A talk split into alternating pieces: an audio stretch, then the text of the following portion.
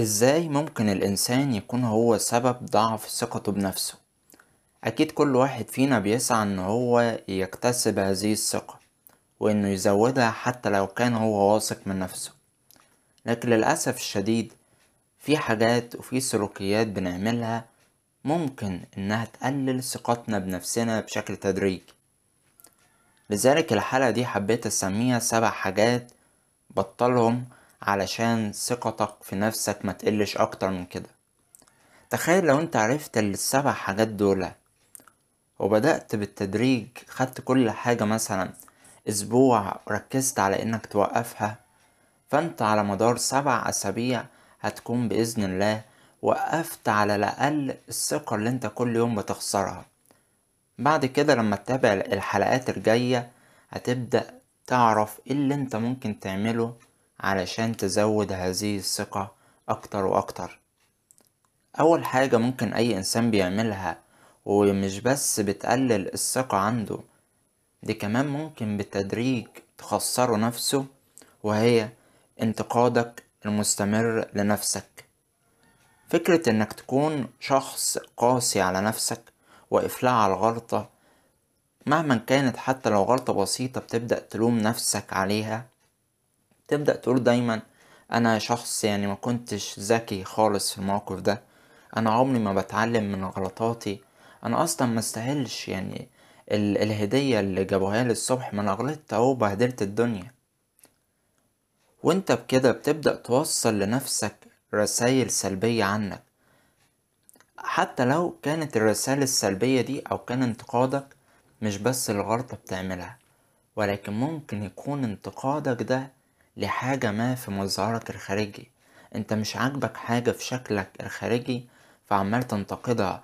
إيه مش عارف ال... الودن دي؟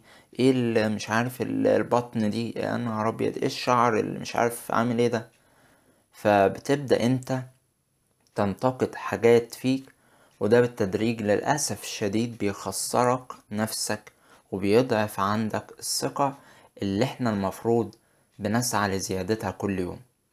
تاني حاجة إرضاء الناس على حساب نفسك. خليني أسألك سؤال كده.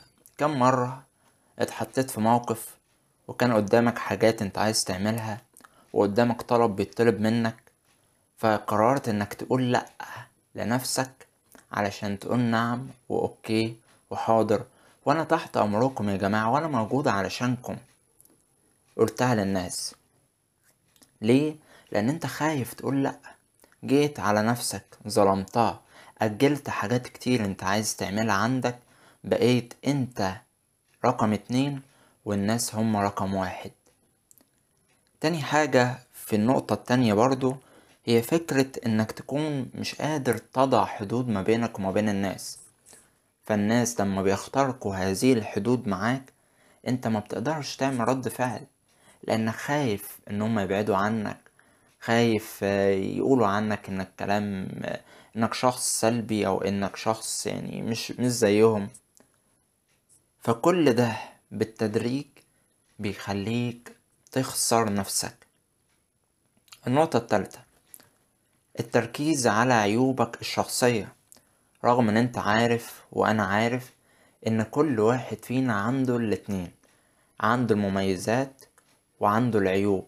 لكن دورنا نوجه نظرنا وعيوننا ويعني وقلوبنا على اتجاه المميزات ونحاول نطور ونقلل هذه العيوب. لكن ما بقاش عندك الاتنين فتسيب المميزات وتركز على العيوب. بعد فترة تبدأ تحس كده كأن أنت يعني إنسان بلا ميزة. ما عندكش أي ميزة خالص. كل اللي في شخصيتك عيوب. رغم إن أنت عندك الاتنين بس أنت مش قادر تشوف المميزات لأن أنت بقالك فترة يمكن سنين مركز كل تركيزك على العيوب. فهنا مهم جدا إنك تكون عارف إنك عندك الاتنين فركز عليهم وطور المميزات وشوف الإيجابيات وحاول تقلل أو تطور السلبيات. النقطة رقم أربعة. مقارنة نفسك بالآخرين. أكبر غلطة ممكن أي إنسان يعملها هي إنه يقارن نفسه بغيره. المقارنة دايما بتحسسك إنك مهزوم إنك مهزوز إنك أقل من أي حد قليل إنك ملكش أي لازمة إن أي حد تاني هو أعلى منك. فبتشوف نفسك قليل رغم إن خلي بالك لو جينا نبص للمقارنة دي هنلاقيها إن هي مقارنة غير عادلة. غير منصفة. طب ليه غير عادلة؟ لأنك بتقارن سلبياتك أو أخطائك بمميزات وبنجاحات الشخص التاني فطبيعي هيكون هو أفضل منك. لكن لو أنت عايز تعمل مقارنة منصفة رغم إني مش بفضل المقارنة خالص بس أنت لو عايز يعني قارن الاتنين قارن مميزاتك وعيوبك بمميزات وعيوبه. وخليني أقولك حاجة المقارنة بشكل قاطع خاطئة. لا تقارن نفسك بأي شخص ولكن قارن نفسك النهاردة بنفسك امبارح. قارن نفسك النهاردة بنفسك السنة اللي فاتت. قارن نفسك النهاردة. من أسبوع فات هتلاقي إن أنت أكيد أفضل.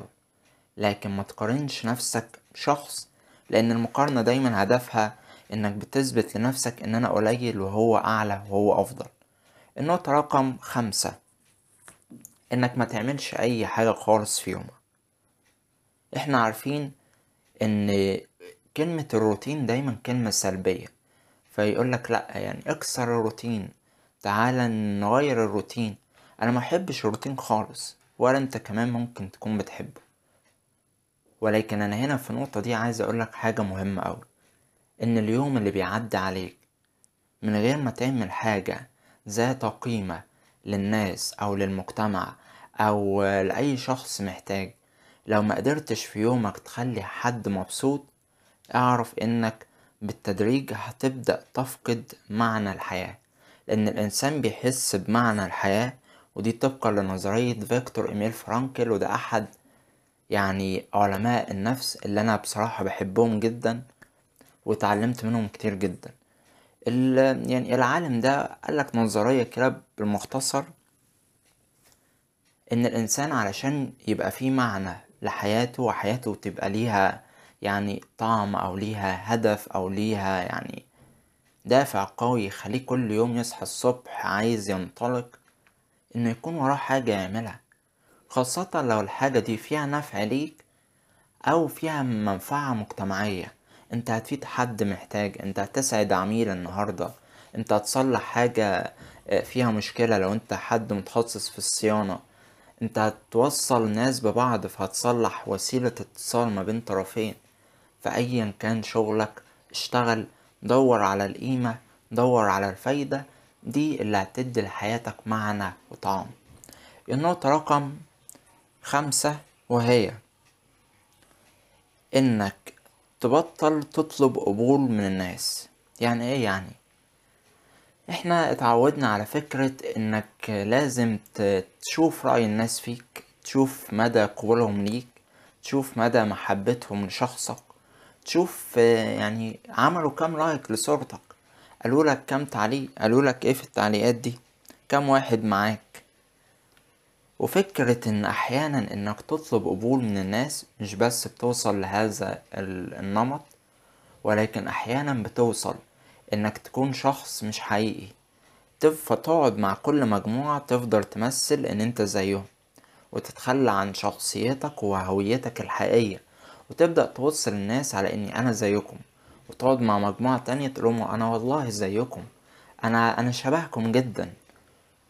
فانت بالتدريج بتبدأ تبص كده طب هو أنا مين؟ يعني هو أنا الشخص اللي كان يعني بيهزر وبيقول كلام مش كويس من شوية؟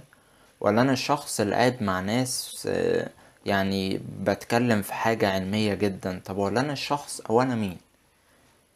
ده لأنك أنت عايز تثبت للناس إن أنا زيكم. واحيانا كمان فكرة إنك تكون مش حقيقي فدي بتخليك ما تهتمش خالص بآرائك.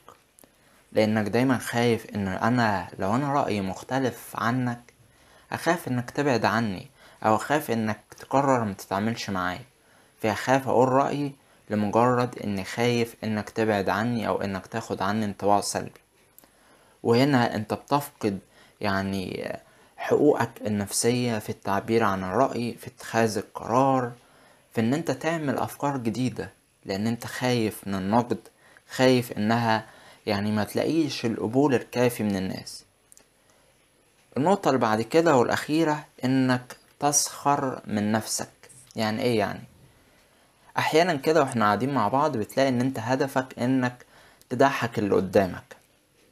تبسطه يعني. ترسم البسمة على وشه. دي كلها أهداف جميلة جدا.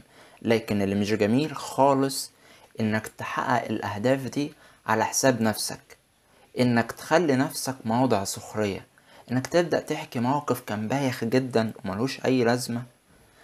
وموقف كان محرج ليك جدا بس علشان تضحك اللي قدامك. لا أنت ممكن تضحكه وتبسطه وتفرح قلبه بس بشرط.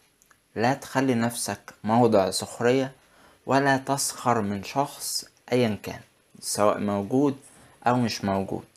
لأن سخريتك من نفسك وإنك تسخر من نفسك تبتدي انطباع عنك وإحساس كده بالدونية يعني إن أنت شايف نفسك ولا حاجة.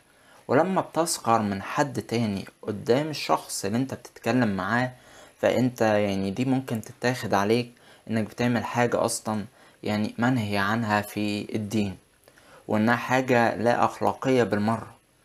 فبالتالي إنك تسخر من نفسك ده كمان بيدي إشارة لعقلك إنك مش مقدر نفسك إن مفيش احترام للذات. مؤلم جدا إنك تكون سبب في ضعف ثقتك بنفسك بدل ما تكون أنت مصدر الدعم ليها. والثقة بالنفس هي حاجة أساسية جدا ونفسك عاملة زي الطفل. دايما بقولها في جلساتي مع الشباب إن نفسك ملهاش غيرك وانت ملكش حد غير نفسك. لو علاقتك بنفسك كويسة أي علاقة تانية فيها مشكلة هتسعى إن أنت تطورها وأنت مرتاح وأنت هادي. لكن لو علاقتك بنفسك فيها المشكلة وكل العلاقات اللي حواليك كويسة وممتازة جدا مش هيكون لأي علاقة من دول لازمة لأن أنت جواك مش مبسوط وفي خناقة جوه أو صراعات ما بينك وما بين نفسك. أنا متشكر ليك جدا إنك كملت الحلقة دي للآخر. ولو عندك أي سؤال ابعته هنا في التعليقات على أي منصة أنت بتسمعني عليها وتابع الفترة الجاية لأن في حلقات بودكاست مهمة جدا هتكلم معاك فيها عن ما يخص النفس وبالأخص الثقة بالنفس. متشكر ليك جدا. كان معاك إسلام خميس أخصائي نفسي وممارس للتنويم بالإيحاء. أشوفك في حلقة جديدة.